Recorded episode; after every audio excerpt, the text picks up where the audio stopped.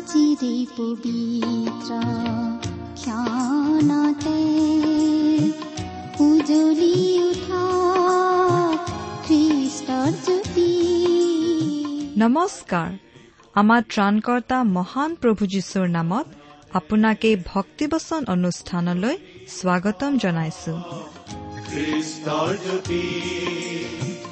আকাশ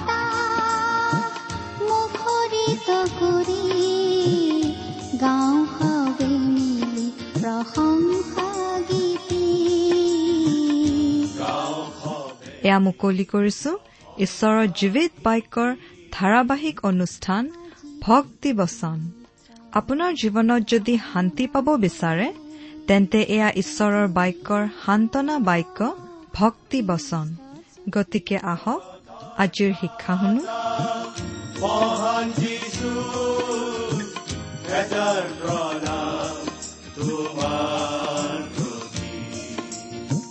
গ্ৰহণ কৰাই ভক্তি বচন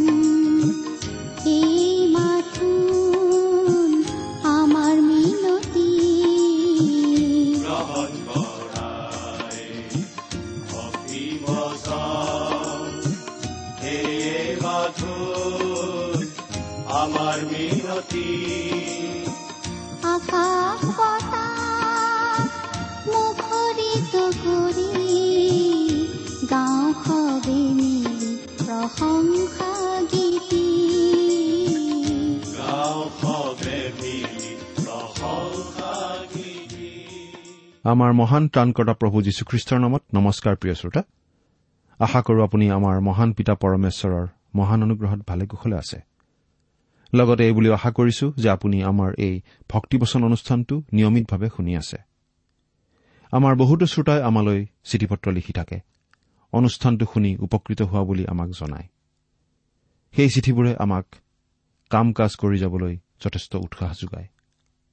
আপুনি বাৰু কেতিয়াবা আমালৈ চিঠি পত্ৰ লিখিছেনে? অনুগ্ৰহ কৰি আজি এই দুখাৰিমান লিখি পঠিয়াওকচোন। এই অনুষ্ঠানযোগে প্ৰচাৰ কৰা কোনো কথা অধিককৈ বুজিবলগীয়া থাকিলেও আমালৈ লিখিব পাৰে। আমাৰ ঠিকনা ভক্তিবচন টি ডব্লিউ আৰ ইণ্ডিয়া ডাক বাকচ নম্বৰ সাত শূন্য গুৱাহাটী সাত আঠ এক শূন্য শূন্য এক। ভক্তিবচন T W R India post box number seventy Guwahati seven eight one zero' zero' one. আমাৰ website W W W dot radio' eight eight two dot com প্ৰিয় শ্ৰোতা আপুনি বাৰু আমাৰ এই অনুষ্ঠানটো নিয়মিতভাৱে শুনি আছেনে? যদিহে আপুনি আমাৰ এই ভক্তিবচন অনুষ্ঠানটো নিয়মিতভাৱে শুনি আছে তেনেহলে আপুনি নিশ্চয় এই কথা জানে যে আমি এতিয়া বাইবেলৰ পুৰণি নিয়ম খণ্ডৰ মিশা ভাৱবাদীৰ পুস্তক নামৰ পুস্তকখন অধ্যয়ন কৰি আছো। নহয় জানো? চমুকৈ আমি মিশা বুলিয়েই কওঁ যোৱা অনুষ্ঠানটো আপুনি শুনিছিল নে বাৰু? আমি কি আলোচনা কৰিছিলো আপোনাৰ মনত আছেনে? যোৱা অনুষ্ঠানত আমি এই মিশা পুস্তকখনৰ এক নম্বৰ অধ্যায়ৰ তিনি নম্বৰ পদৰ পৰা সাত নম্বৰ পদলৈকে আলোচনা আগবঢ়াইছিলো। নহয়নে বাৰু? আজিৰ অনুষ্ঠানত আমি এই মিশা পুস্তকখনৰ এক নম্বৰ অধ্যায়ৰ আঠ নম্বৰ পদৰ পৰা আমাৰ আলোচনা আগবঢ়াই নিব খুজিছো। একেবাৰে বাৰ নম্বৰ পদলৈকে আমি চাম। এই মিশা পুস্তকখন এখন ভাৱবাণীমূলক পুস্তক। ভৱিষ্যতে ঘটিবলগীয়া কিছুমান কথা ইয়াত জনাই দিয়া হৈছে। মিশা ভাৱবাদীৰ যোগেৰে ঈশ্বৰে উত্তৰ ইছৰাইল ৰাজ্যক জনাই দিছিল যে চমৰীয়া নগৰ ধ্বংস কৰা হ'ব। তেওঁলোকৰ পাপৰ কাৰণে তেওঁলোকৰ ওপৰলৈ ঈশ্বৰে তেনেদৰে সুধ বিচাৰ দণ্ড নমাই আনিব আৰু সেইদৰেই ঘটিছিল। এই গোটেই পুস্তকখনত ভৱিষ্যতে ঘটিবলগীয়া এনেকুৱা কথা কিছুমান জনাই দিয়া আছে কিছুমান ইতিমধ্যে ঘটি গ'ল কিছুমান এতিয়াও ঘটিবলৈ বাকী আছে। কিন্তু সেইবোৰৰ লগতে গোটেই কথাখিনিৰ যোগেদি আমাৰ শিকিবলগীয়া বহুতো কথা এই পুস্তকত আছে। প্ৰিয় শ্ৰোতা আমি বাইবেল অধ্যয়ন আৰম্ভ কৰিবলৈ ওলাইছো। আপুনি আপোনাৰ বাইবেলখন মেলি লৈছেনে বাৰু? অনুগ্ৰহ কৰি মেলি লওকচোন। কিন্তু আহক তাৰ আগতে সদায় কৰি অহাৰ নিচিনাকৈ আমি খন্তেক প্ৰাৰ্থনাত মূৰ দুৱাওঁ। আমি প্ৰাৰ্থনা কৰো আমাৰ স্বৰ্গত থকা মৰমীয়াল পিতৃশ্বৰ তোমাক ধন্যবাদ জনাওঁ কাৰণ তোমাৰ মহান বাক্য বাইবেল শাস্ত্ৰ অধ্যয়ন কৰিবলৈ তুমি আমাক আকৌ এটা সুযোগ দান কৰিছা। তোমাক শতকোটিবাৰ ধন্যবাদ জনাওঁ কাৰণ তুমি তোমাৰ একেজাত পুত্ৰ যীশুখ্ৰীষ্টৰ জৰিয়তে আমালৈ অনন্ত জীৱনৰ আশীৰ্বাদ বিনামূল্যে আগবঢ়াইছা। এতিয়া আহা পিতা তোমাৰ বাক্য তুমিয়েই আমাক বুজাই দিয়া। আমাৰ মৰমৰ শ্ৰোতাসকলক উপচি পৰাকৈ তুমি আশীৰ্বাদ কৰা। তেওঁলোকৰ সকলো প্ৰয়োজনৰ কথা তুমিহে ভালদৰে জানা আৰু সেই সকলো তুমিয়েই পূৰণ কৰা। কিয়নো এই প্ৰাৰ্থনা আমাৰ মহান ত্ৰাণকৰ্তা মৃত্যুঞ্জয় প্ৰভু যীশুখ্ৰীষ্টৰ নামত আগবঢ়াইছো।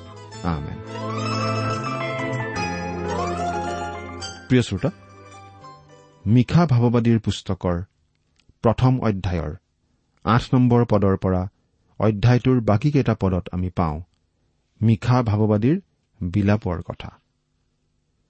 ইছৰাইল জাতিৰ পাপ আৰু সেই পাপৰ প্ৰতিফলৰ কথা ভাবি মিশা ভাৱবাদীৰ অতিশয় দুখ লাগিছিল। তেওঁ কোনো দৰমহা খোৱা শিক্ষক প্ৰচাৰক নাছিল। তেওঁ আছিল ঈশ্বৰৰ দ্বাৰা বিশেষভাৱে আমন্ত্ৰিত এজন ভাৱবাদী। তেওঁ জিৰিমিয়া আৰু হোছেয়াৰ নিচিনাই অতি কোমল অন্তৰৰ মানুহ আছিল। আমি সাধাৰণতে পুৰণি নিয়মৰ দিনৰ সকলো ভাৱবাদীকেই এলিয়া আৰু জিহিচকেলৰ নিচিনা চকুলো নোটোকা লোক বুলিয়েই ভাবো। খুব দৃঢ়মনৰ মানুহ যেনেই ভাবো। আপোনাৰ হয়তো মনত আছে যে যেতিয়া ঈশ্বৰে জিহিচকেলক কামত নিযুক্ত কৰিছিল তেতিয়া তেওঁক সাৱধান কৰি দিছিল যে তেওঁ তেওঁক অবাধ্য আৰু কঠিন মনৰ মানুহৰ মাজলৈ পঠিয়াইছে। কিন্তু তেওঁ কৈছিল মই তোমাৰ মন তেওঁবিলাকতকৈ কঠিন কৰি দিম। তেনেকুৱা দৃঢ় অন্তৰৰ ভাৱবাদীৰ প্ৰয়োজন আছিল। আৰু তেওঁলোকে স্পষ্টভাৱে মুখ খুলি কথা ক'ব পাৰিছিল। কিন্তু ঈশ্বৰৰ বহুতো ভাৱবাদী কোমল অন্তৰৰ লোকো আছিল আৰু মিশাও তেনেকুৱা আছিল। তেওঁৰ কথালৈ মন কৰকচোন। এতিয়া আমি পাঠ কৰি দিম। মিশা এক নম্বৰ অধ্যায়ৰ আঠ নম্বৰ পদ। এইকাৰণে মই বিলাপ আৰু হাহাকাৰ কৰিম। বিবস্ত্ৰ আৰু উলংগ হৈ চলিম। শিয়ালৰ নিচিনাকৈ শব্দ কৰি বিলাপ কৰিম। আৰু উট চৰাইৰ নিচিনাকৈ শোকধ্বনি কৰিম। বিবস্ত্ৰ হৈ উলংগ হৈ চলিম। কোনো মানুহে যদি গাৰ কাপোৰ শুলুকাই পেলায় তেতিয়াহ'লে সেই মানুহজন অতিপাত বেজাৰত থকা নাইবা গভীৰ সংকটত থকাটোকেই নুবুজায়নে বাৰু? শিয়ালৰ নিচিনাকৈ শব্দ কৰি বিলাপ কৰিম আৰু উট চৰাইৰ নিচিনাকৈ শোকধ্বনি কৰিম। ৰাতি শিয়াল ৰাং কুকুৰ হাইনা আদিয়ে বিলাপ কৰা শব্দ আপুনি শুনিছেনে বাৰু? অতি ভয় লগা আৰু দুখ লগা ধৰণৰ শব্দ হয়। ইউবেও আচলতে তেনেধৰণৰ বৰ্ণনাই ব্যৱহাৰ কৰিছে। আমি চাওঁ ইউব ত্ৰিশ নম্বৰ অধ্যায়ৰ ঊনত্ৰিশ নম্বৰ পদ। মই শিয়ালবোৰৰ ভাই আৰু উৎপক্ষীৰ বন্ধু হলো। উৎপক্ষীয়েও বিলাপ কৰে। এবাৰ এজন মানুহে চিৰিয়াখানা চাবলৈ গৈছিল। হঠাতে এটা অতি দুখ লগা ধৰণৰ বিলাপৰ শব্দ যেন শুনি তেওঁ চাৰিওফালে চালে। কোনো জন্তু কৰবাত কিবা ফাণ্ডত পৰি কেঁকাই থকা বুলি তেওঁ ভাবিছিল। অলপ দূৰ আগবাঢ়ি গৈ তেওঁ মানুহ এজনক সুধিলে সেইটো বাৰু কিহৰ শব্দ? আপুনি জানেনে? মানুহজনে তেওঁক উত্তৰ দিলে অ' সেইটো উট চৰাই। উত্তৰটো শুনি মানুহজনে আন মানুহজনক আচলতে ধেমালি কৰা বুলি ভাবিলে। তেওঁ সেই মানুহজনক ধন্যবাদো নজনালে আৰু কিছুদূৰ আগবাঢ়ি গ'ল। কাৰণ মানুহজনে সঁচাকৈ ধেমালি কৰা বুলি তেওঁ ভাবিছিল। কিন্তু অলপ আগবাঢ়ি গৈ বাটৰ মূৰতে উট চৰাইবোৰ তেওঁ দেখা পালে।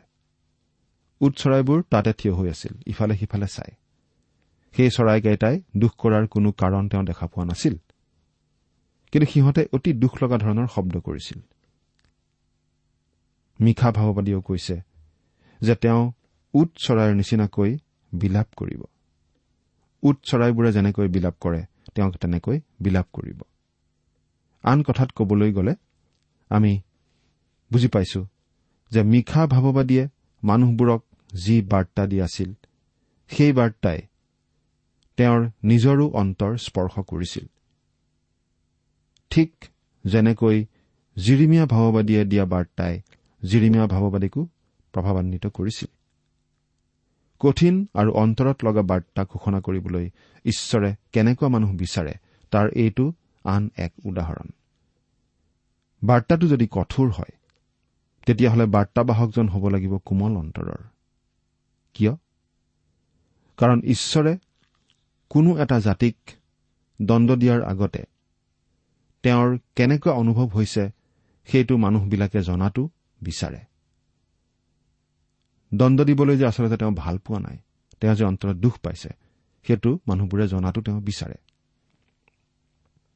সেইবাবেই তেওঁ বিলাপ কৰা ভাৱবাদী জিৰিমিয়াক পঠিয়াইছিল আৰু তাৰ পাছত পঠিয়াইছিল উচুপা ভাৱবাদী মিখাক। যেতিয়া মানুহবিলাকে তেওঁৰ বাৰ্তা শুনে আৰু তাৰ পাছত তেওঁৰ দুখৰ বিলাপ শুনে তেতিয়া মানুহবিলাকে বুজি পায় বা বুজি পোৱা উচিত তেওঁলোকৰ পাপৰ প্ৰতি ঈশ্বৰৰ মনোভাৱ কেনে। ঈশ্বৰ প্ৰতিশোধ পৰায়ণ নহয়।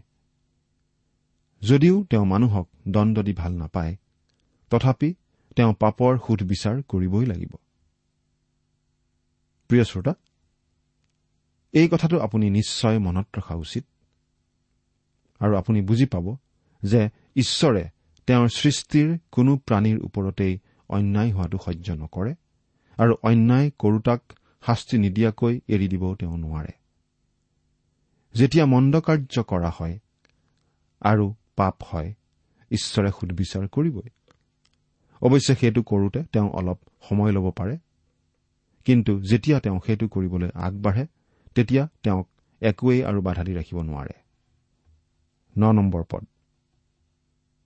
কিয়নো তাইৰ ঘাঁ চিকিৎসা কৰিব নোৱাৰা কাৰণ সেয়ে যীহুদালৈকে আহিল সেয়ে মোৰ প্ৰজাবিলাকৰ ৰাজদুৱাৰ জিৰচালেম পালেহি। তাইৰ ঘাঁ চিকিৎসা কৰিব নোৱাৰা। ইছৰাইল জাতিটোৱে এডাল অদৃশ্য সীমাৰেখা অতিক্ৰম কৰি গৈছিল আৰু তাৰ পৰা উভতি অহাৰ কোনো সম্ভাৱনা নাই। সেই সীমাৰেখা ক'ত আছে আমি নাজানো। কিন্তু আছে বুলি আমি জানো। আৰু যেতিয়া কোনো এজন ব্যক্তি নাইবা কোনো এটা জাতিয়ে সেই সীমাৰেখা অতিক্ৰম কৰে তেতিয়া পুনৰ উদ্ধাৰৰ কোনো আশা নোহোৱা হয়। তাৰমানে ঈশ্বৰ কৰোণাময় বা অনুগ্ৰহশীল নহয় বুলি আমি ক'ব নোৱাৰো। কিন্তু সেই ব্যক্তি নাইবা সেই জাতি পাপ কৰাৰ প্ৰতি ইমান আগ্ৰহী আৰু ঈশ্বৰৰ বাক্যৰ প্ৰতি ইমান অমনোযোগী যে সোধ বিচাৰ দণ্ডৰ বাহিৰে আন একো আৰু বাকী নাথাকে। সেই ঘাঁ বা সেই আঘাত বা সেই ৰোগ সুস্থ কৰিব নোৱাৰা বিধৰ। তেওঁলোকে ঈশ্বৰৰ কথা আৰু নুশুনে।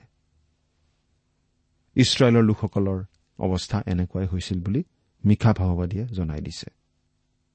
প্ৰিয় শ্ৰোতা এই কথাটোৱে আমাক আমনি দিয়ে।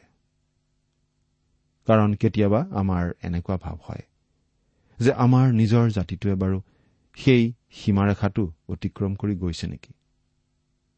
আমাৰ এনেকুৱা লাগে মানুহবিলাকে যেন ঈশ্বৰৰ মাত নুশুনে আৰু শুনিবলৈ নিবিচাৰে। অৱশ্যে আজি ঈশ্বৰৰ বাক্যৰ প্ৰতি মানুহৰ আগ্ৰহ আমি নেদেখা নহয় কিন্তু সেই আগ্ৰহ বা কিমান গভীৰ ঈশ্বৰৰ বাক্য শুনা। আৰু ঈশ্বৰৰ প্ৰতি বাধ্যতা দুটা পৃথক বস্তু। বহুতো মানুহ আছে যিসকলে পাপ কৰি থাকে। নাইবা পাপতে জীৱন কটাইছিল কিন্তু তাৰ বাবে কেতিয়াও মন পালটন কৰা নাই। তথাপি তেনেকুৱা মানুহেও ঈশ্বৰৰ বাক্যক প্ৰেম কৰাৰ কথা কয়। ভাবিলে অলপ আচৰিত যেন লাগে। কিন্তু পাপতেই চলি আছে অথচ ঈশ্বৰৰ বাক্যক ভাল পাওঁ বুলি কয়। তেনেকুৱা লোকে বাৰু এই অদৃশ্য সীমাৰেখা অতিক্ৰম কৰি গৈছে নেকি? যে তেওঁলোকৰ বাবে সোধ বিচাৰৰ বাহিৰে আৰু একো বাকী নাই? তাইৰ ঘাঁ চিকিৎসা কৰিব নোৱাৰা কাৰণ সেয়ে যীহুদালৈ আহিল। সেয়ে মোৰ প্ৰজাবিলাকৰ ৰাজদুৱাৰ জিৰচালেম পালেহি। প্ৰিয় শ্ৰোতা চেন্নাচেৰিবৰ নেতৃত্বত ওচৰীয়া সৈন্যবাহিনী উত্তৰৰ পৰা আহি উত্তৰ ৰাজ্য অৰ্থাৎ ইছৰাইল ৰাজ্য একেবাৰে ধ্বংস কৰি পেলাইছিল। তেওঁবিলাক দক্ষিণলৈ আহি আহি একেবাৰে জিৰচালেম নগৰৰ দেৱাল পাইছিলহি। আৰু তেওঁবিলাকে নগৰখন দখল কৰিব বুলি হিচকিয়া ৰজাই বৰ ভয় খাইছিল। কিন্তু ঈশ্বৰে ৰিচয়া ভাৱবাদীৰ যোগেদি ৰজাক এই কথা কোৱালে যে সেই ওচৰীয়াবিলাকে জিৰচালেম নগৰখন আক্ৰমণ নকৰে। আচলতে সেই যে ওচৰীয়া সৈন্যবিলাকে উত্তৰ ইছৰাইল ৰাজ্যখন অধিকাৰ কৰি একেবাৰে জিৰচালেমলৈকে আহি পাইছেহি সেই ঘটনাটো তেওঁলোকৰ বাবে অৰ্থাৎ জিহুদা দেশৰ লোকবিলাকৰ বাবে জিৰচালেমবাসী লোকবিলাকৰ বাবে এটা সাৱধানবাণীহে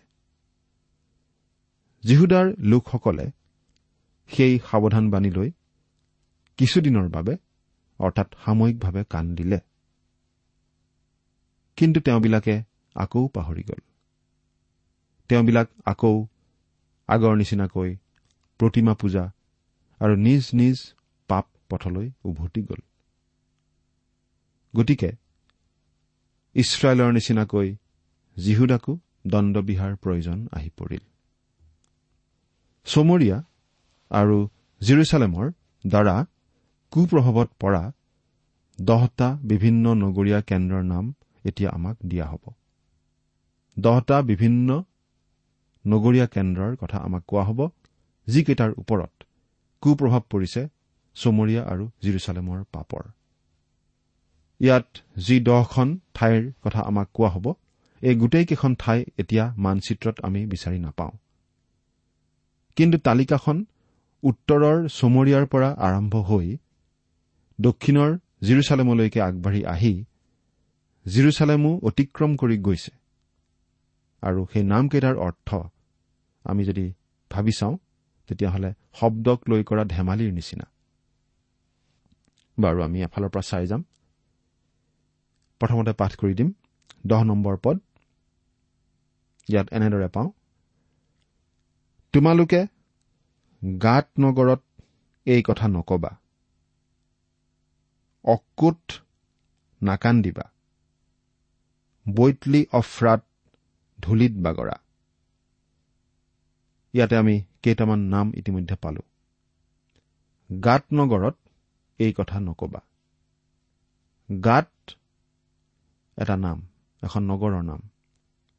আৰু এই গাত নামটোৰ অৰ্থ হৈছে উচুপা নগৰ। ঈশ্বৰে কি কৈছে? ঈশ্বৰে সেই উচুপা নগৰক কৈছে হে উচুপা নগৰ তুমি উচুপি নাকান্দিবা। প্ৰিয় শ্ৰোতা এই গাত নগৰখন আচলতে পলেষ্টীয়া লোকবিলাকৰহে নগৰ আছিল। আৰু এই পলেষ্টীয়াসকল কোন আমি নিশ্চয় ভালদৰে জানো। এই পলেষ্টীয়া লোকবিলাক আছিল ইছৰাইলীয়া জাতিৰ চিৰবৈৰী চিৰশত্ৰু। আৰু ঈশ্বৰে কৈছে তেওঁলোকক জানিবলৈ নিদিবা যে তোমালোকৰ ওপৰলৈ সোধ বিচাৰ দণ্ড নামি আহিব ধৰিছে।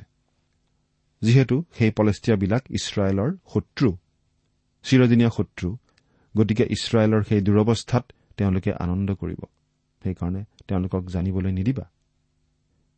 বৈতলি অফ্ৰাত ধূলিত বাগৰা। বৈতলি অফ্ৰা। আমি অলপ আচহুৱা শব্দ দুটামান পাইছো। অফ্ৰা মানে হৈছে ধূলিৰ নগৰ। মূৰত ধূলি লোৱা মানে আচলতে অতিশয় দুখ বেজাৰ প্ৰদৰ্শন কৰাক বুজায়। এই ঠাইখন কত জনা নাযায়। কিন্তু ইয়াত এনে এটা অৰ্থ প্ৰকাশ কৰা হৈছে যেন মানুহবিলাকে নিজৰ নিজৰ অঞ্চলতেই দুখ প্ৰকট কৰিব লাগিব। তাৰপিছত আমি এঘাৰ নম্বৰ পদত চাওঁচোন ইয়াত আমি কি পাওঁ? হে চাফিৰ নিবাসিনী বিবস্ত্ৰা আৰু লজ্জিত হৈ গমন কৰা। চানন নিবাসিনী বাহিৰ হোৱা নাই। বৈত এছেলৰ বিলাপে তোমালোকক আশ্ৰয়ৰ পৰা বঞ্চিত কৰিছে। চাফিৰ। চাফিৰ মানে সৌন্দৰ্য নগৰ অৰ্থাৎ চাফিৰ নগৰখনৰ অৰ্থ হৈছে সৌন্দৰ্য নগৰ কিন্তু সেই ঠাইৰ বাসিন্দা বিলুপ্ত হ'ল। সেই চাফিৰ নগৰখনো নোহোৱা হ'ল। গতিকে সেই চাফিৰ নগৰখনৰ বিষয়ে এতিয়া আৰু একো জনা নাযায়। ইয়াত কি কোৱা হৈছে? যে সৌন্দৰ্য নগৰ অৰ্থাৎ চাফিৰ আৰু সৌন্দৰ্যপূৰ্ণ হৈ নাথাকিব।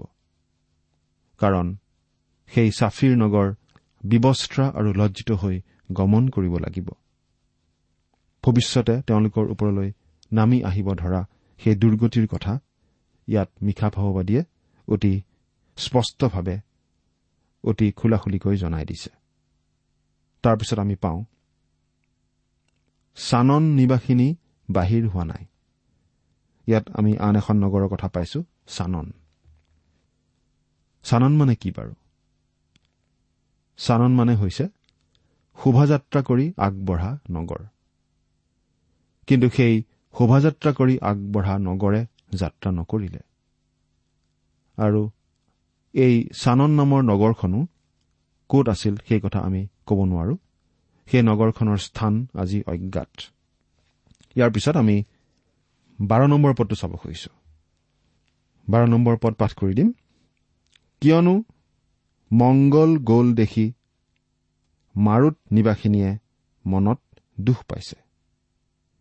কাৰণ জিৰচালেমৰ দুৱাৰলৈ জিহুৱাৰ পৰা অমংগল নামি আহিল। কিয়নো মংগল গ'ল দেখি মাৰুত নিবাসিনীয়ে মনত দুখ পাইছে। এতিয়া আমি ইয়াত আন এখন নগৰৰ উল্লেখ পাইছো। নগৰখনৰ নাম হৈছে মাৰুত। আৰু মাৰুত নামটোৰ অৰ্থ হৈছে তিক্ততা। তিক্ততা। তেওঁলোকে মংগলৰ কাৰণে সুখবৰৰ কাৰণে ভাল খবৰৰ কাৰণে ভাল দিনৰ কাৰণে বাট চাই আছিল। কিন্তু তেওঁলোকে কোনো মংগলৰ বাতৰি পোৱা নাছিল কোনো সুখবৰ পোৱা নাছিল। তাৰ পৰিৱৰ্তে তেওঁলোকে পাইছিল বেয়া খবৰ। কাৰণ জিৰচালেমৰ দুৱাৰলৈ জিহুৱাৰ পৰা অমংগল নামি আহিল। সেই অমংগল কি আছিল? অচুৰীয়াবিলাকে একেবাৰে জিৰচালেমৰ দুৱাৰ মুখলৈকে অগ্ৰসৰ হৈছিল। অচুৰীয়া সৈন্যবিলাকে উত্তৰ ইছৰাইল ৰাজ্য এফালৰ পৰা ধ্বংস কৰি আহি আহি জিৰচালেমৰ দুৱাৰমুখত উপস্থিত হৈছিলহি। সেয়া নিশ্চয় তেওঁলোকৰ বাবে ভাল খবৰ নাছিল। সেয়া আছিল তেওঁলোকৰ বাবে দুখ সংবাদ। অন্তৰ কপাই দিয়া সংবাদ। কাৰণ জিৰচালেমৰ দুৱাৰলৈ জিহুৱাৰ পৰা অমংগল নামি আহিল। অচুৰীয়া সৈন্যবিলাক জিৰচালেমৰ দুৱাৰমুখ পাইছিলহি কিন্তু সেয়া জিহুৱাৰ পৰা ঈশ্বৰৰ পৰা অহা অমংগল বুলি ইয়াত কোৱা হৈছে। অৰ্থাৎ ঈশ্বৰ জিহুৱাই তেওঁলোকলৈ শাস্তিস্বৰূপে সেই অমংগল নমাই আনিছিল। ঈশ্বৰৰ অনুমতি অবিহনে আমালৈ একো অমংগল আহিব নোৱাৰে। ইয়াত সেই কথাও আমি বুজি নাপাওঁনে বাৰু? সেই মাৰুত নিবাসীসকলে মনত দুখ পাইছে কাৰণ তেওঁলোকলৈ দুখৰ খবৰ আহিছে দুখ সংবাদ আহিছে। কিন্তু প্ৰিয় শ্ৰোতা আজি সকলোৰে বাবে শুভ সংবাদ আছে ভাল খবৰ আছে। শুভ বাতৰি আছে। সেই শুভ বাতৰি কি? প্ৰভু যীশুৰ যোগেদি সকলো মানুহে নিজ নিজ পাপৰ ক্ষমা লাভ কৰি যে পৰিত্ৰাণ লাভ কৰিব পাৰে সেই শুভ বাতৰি। সেই শুভ বাতৰি আপুনি বাৰু শুনিছেনে? যদি শুনিছে আপুনি বাৰু আনক শুনাইছেনে? ঈশ্বৰে আপোনাক আশীৰ্বাদ কৰক। আমেন।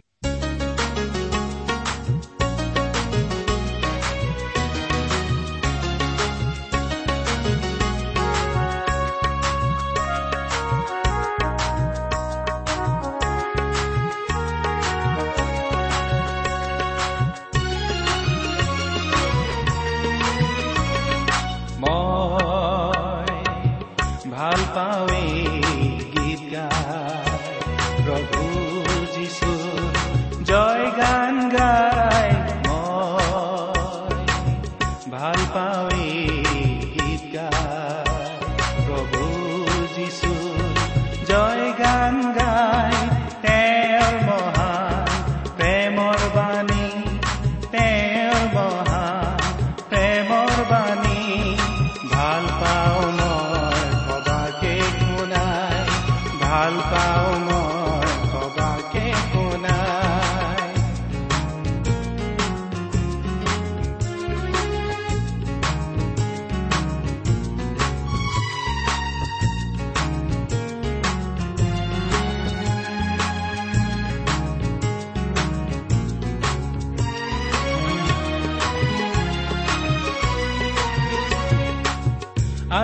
আহিছিলে ধৰালে নম্ৰ মানৱ ৰূপে। গৈলেহে মোৰ গোহালি ঘৰত তেওঁ জনম ধৰিলে। আহিছিলে ধৰালে নম্ৰ মানৱ ইমান পৰে আপুনি ভক্তিবচন অনুষ্ঠানটি শুনিলে। এই বিষয়ে আপোনাৰ মতামত জানিবলৈ পালে আমি নথৈ আনন্দিত হ'ম। আমি প্ৰস্তুত কৰা বাইবেল অধ্যয়নৰ আন চিডিসমূহ পাব বিচাৰিলেও আমালৈ লিখক। অনুষ্ঠানটি শুনি কেনে পালে? আমালৈ চিঠি লিখি জনাবচোন। অনুষ্ঠানত প্ৰচাৰ কৰা কোনো কথা বুজিব লগা থাকিলেও আমালৈ লিখক। আমাৰ ঠিকনা? ভক্তিবচন ট্ৰান্স ৱৰ্ল্ড ৰেডিঅ' ইণ্ডিয়া ডাক বাকচ নম্বৰ সাত শূন্য গুৱাহাটী সাত আঠ এক শূন্য শূন্য এক ঠিকনাটো আৰু এবাৰ কৈছো ভক্তিবচন ট্ৰান্স ৱৰ্ল্ড ৰেডিঅ' ইণ্ডিয়া ডাক বাকচ নম্বৰ সাত শূন্য গুৱাহাটী সাত আঠ এক শূন্য শূন্য এক। আমাৰ ইমেইল এড্ৰেছটো হৈছে S M is T T B at the rate radio' eight eight two dot com. আমাৰ website W W W dot T W R dot in. আপুনি টেলিফোনৰ মাধ্যমেৰেও আমাক যোগাযোগ কৰিব পাৰে। আমাৰ টেলিফোন নম্বৰটো হৈছে শূন্য তিনি ছয় এক দুই ছয় শূন্য চাৰি ছয় সাত এক। ফোন নম্বৰটো আকৌ এবাৰ কৈছো zero' three six one two six zero' four six seven one. আজিৰ অনুষ্ঠানটি ইমানতে সামৰিছো। ঈশ্বৰৰ শান্তি আৰু অনুগ্ৰহ আপোনাৰ লগত থাকক। ধন্যবাদ। ভাল পাওঁ মই সবাকে শুনাই ভাল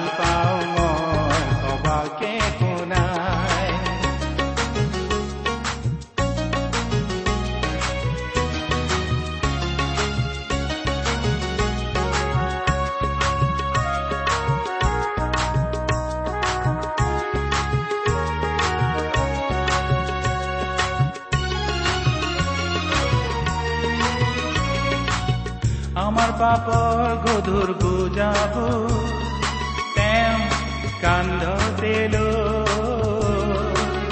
কুশৰ ওপৰত প্ৰাণৰ পিলে আমাৰ জীৱন দিবলৈ।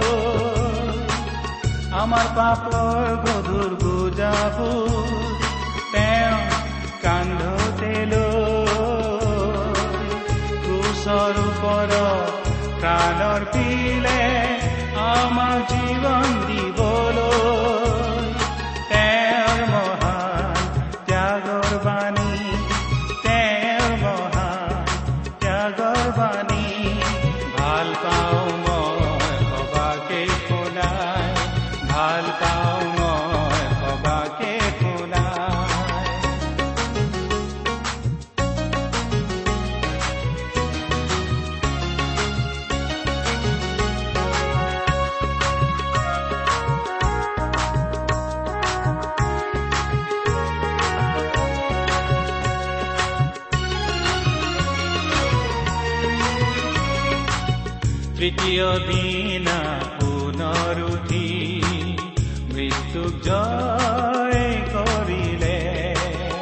তৃতীয় দিনা পুনৰ মৃত্যুক জয় কৰিলে সুশৰীৰে সৰগলৈ গৈ সুশৰীৰে সৰগলৈ গৈ আজি